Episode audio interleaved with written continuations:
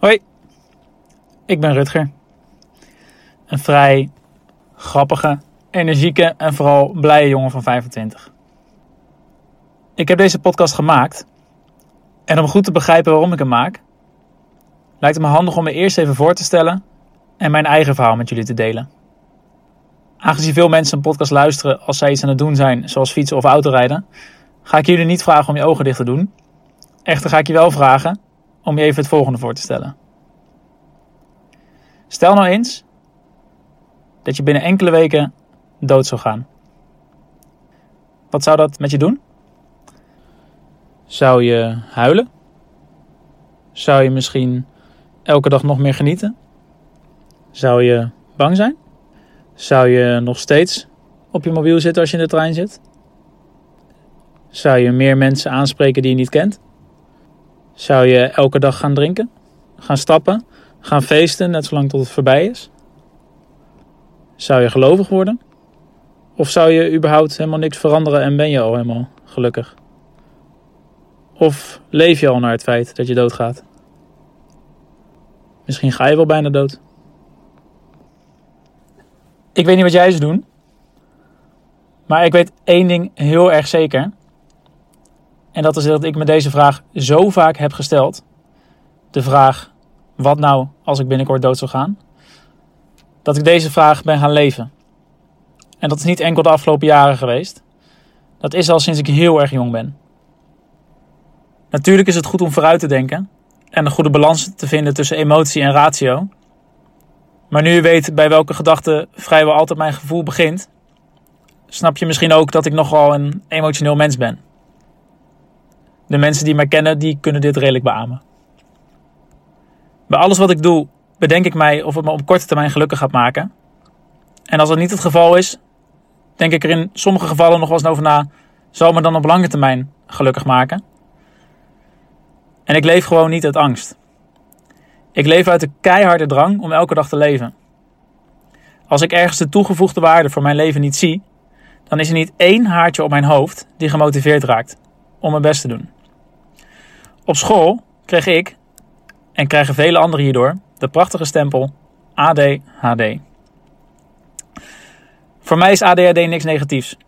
ADHD is voor mij de extreme drang om het vetst mogelijke leven te leiden. Resultaatgericht zijn en dus geen tijd willen verspillen. En ondanks dat ik daar nu op 25-jarige leeftijd onwijs zelfverzekerd over ben, is het wel eens anders geweest. En laten we daarom beginnen bij het onschuldige begin, vierjarige Rutger. Toen ik vier oud was, zat ik in groep 1.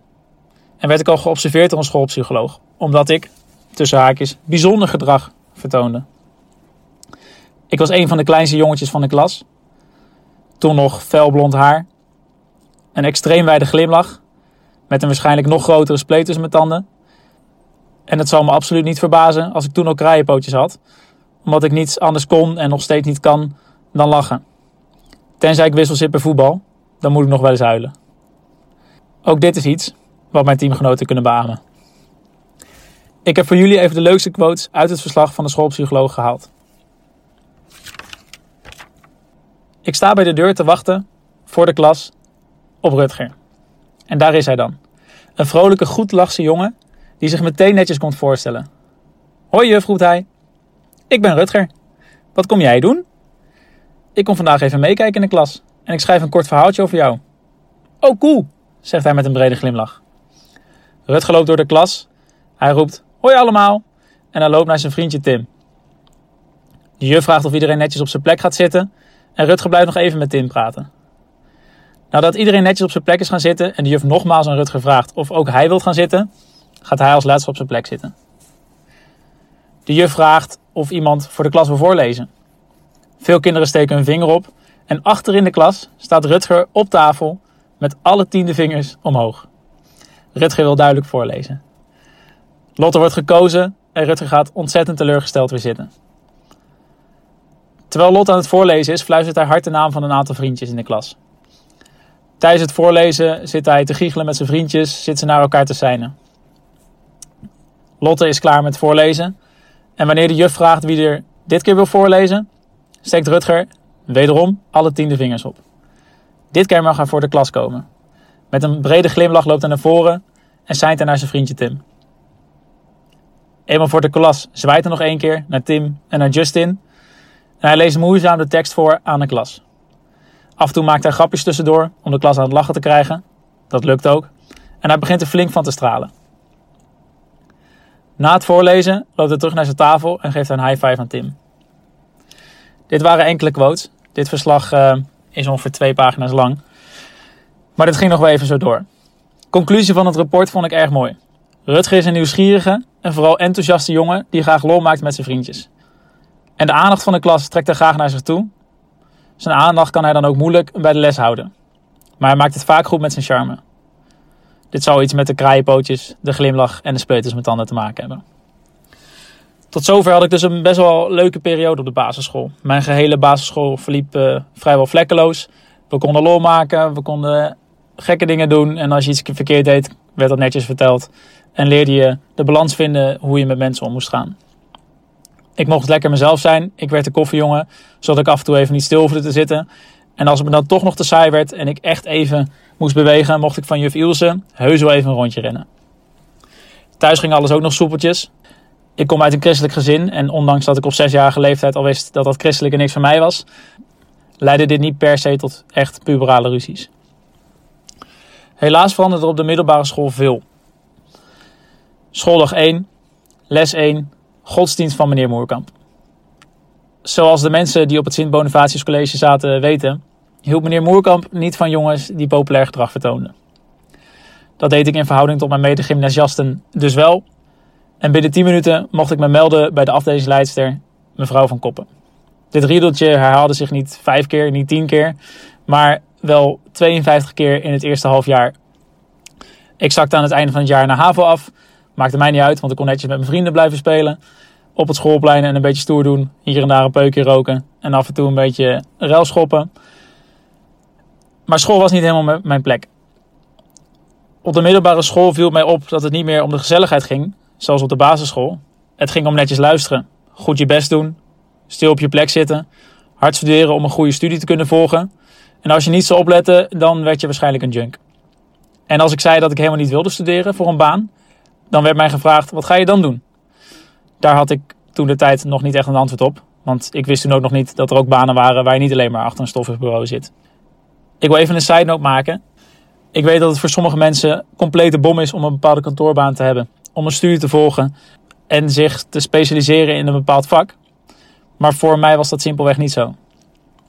Hoe vaak ik hoorde dat ik er niks van snapte, dat ik te druk was, dat ik een concentratieprobleem had, dat ik een leerprobleem had, dat ik ADHD had en dat ik eigenlijk gewoon vervelend was, hoe meer ik op de achtergrond ook onzeker hierover raakte. En intussen begonnen zich ook thuis dingen af te spelen. Geen dingen die onaardig waren naar mij toe vanuit mijn gezin, maar we hebben wel samen dingen meegemaakt. Dit is niet mijn eigen verhaal alleen, dus ik hou dit verhaal ook graag voor mezelf. Maar houd er maar op dat we samen heel veel hebben moeten doorstaan. En al vroeg leerden dat mensen dingen meemaken. Misschien was dit wel een van de beste lessen in mijn leven. Misschien was onze ellende thuis, die we samen hebben meegemaakt, wel mijn grootste zegen. Maar ik merkte daarnaast ook dat ik toch wel redelijk anders was dan mijn familie. Mijn gehele familie is christelijk. Ik verre van. Mijn broer studeerde cum laude aan de universiteit af. ik niet. En mijn moeder noemt mij nog altijd liefkozend haar verrassingskindje. Rutger doet gewoon alles net even wat anders. Mijn familie houdt me ontzettend veel van me, dus begrijp me niet verkeerd. Ik uh, weet dat ik ontzettend blij mag zijn. En dat het niet vanzelfsprekend is dat je familie hebt. En überhaupt een familie die van je houdt. En tegenwoordig is gelukkig alles koek en ei met mijn ouders en met mijn broers. En net als iedereen hebben we ook nog wel eens onze problemen. Maar de combinatie van het gevoel op school dat ik er niks van snapte. En het gevoel van thuis dat ik anders was dan de mensen om me heen. Heeft ertoe geleid dat ik me onbewust toch een buitenbeentje begon te voelen. Als klapper op de vuurpijl kreeg ik op een gegeven moment medicijnen. Zodat ik me beter zou kunnen concentreren op de dingen die ik gewoon simpelweg niet leuk vond. Op een avond zat ik met mijn ouders de Voice te kijken. Vrijdagavond. En normaal gesproken deden Voice mij nog wel eens iets. Maar deze avond merkte ik dat het me helemaal niks deed. En ik vroeg aan mijn ouders: wat ben ik nou eigenlijk aan het doen? Waar doe ik het allemaal nog voor? Ik voel helemaal niks meer. Ik keek naar een scherm zonder dat het me iets deed. Ik zat er maar. Ik weet niet of het handig is om dit te vertellen, maar ik blode die tijd nog wel eens veel. Ik dronk vaak, net als meerdere studenten. Maar eigenlijk was ik alleen maar op zoek naar een prikkel, omdat ik die prikkel niet uit mijn dagelijks leven kon halen. Ik lag nachtenlang te, uh, wakker om te piekeren. En ik raakte steeds verder van mijn gevoel af. Ik begon steeds meer na te denken vanuit angst. En ik deed vrijwel alles voor de bevestiging van anderen om me heen. Om maar te horen of het gevoel te krijgen dat ik misschien wel normaal was. Dat ik er wel bij hoorde. En ja, ik wilde ook gewoon een normaal mens zijn.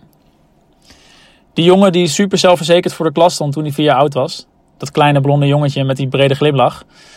Veranderde langzaam in de deels super zelfverzekerde jongen. Omdat hij wist dat hij super goed was op sociaal gebied.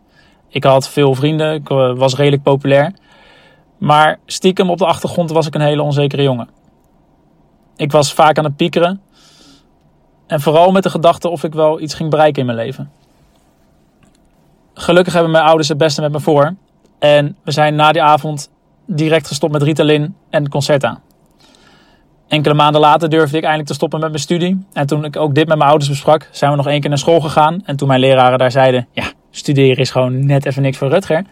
Toen waren mijn ouders ermee eens dat het misschien wel goed was om gewoon lekker mijn eigen ding te gaan doen. Ik stopte met mijn studie en ik ben lekker in de sales gaan werken, waar ik goed in was.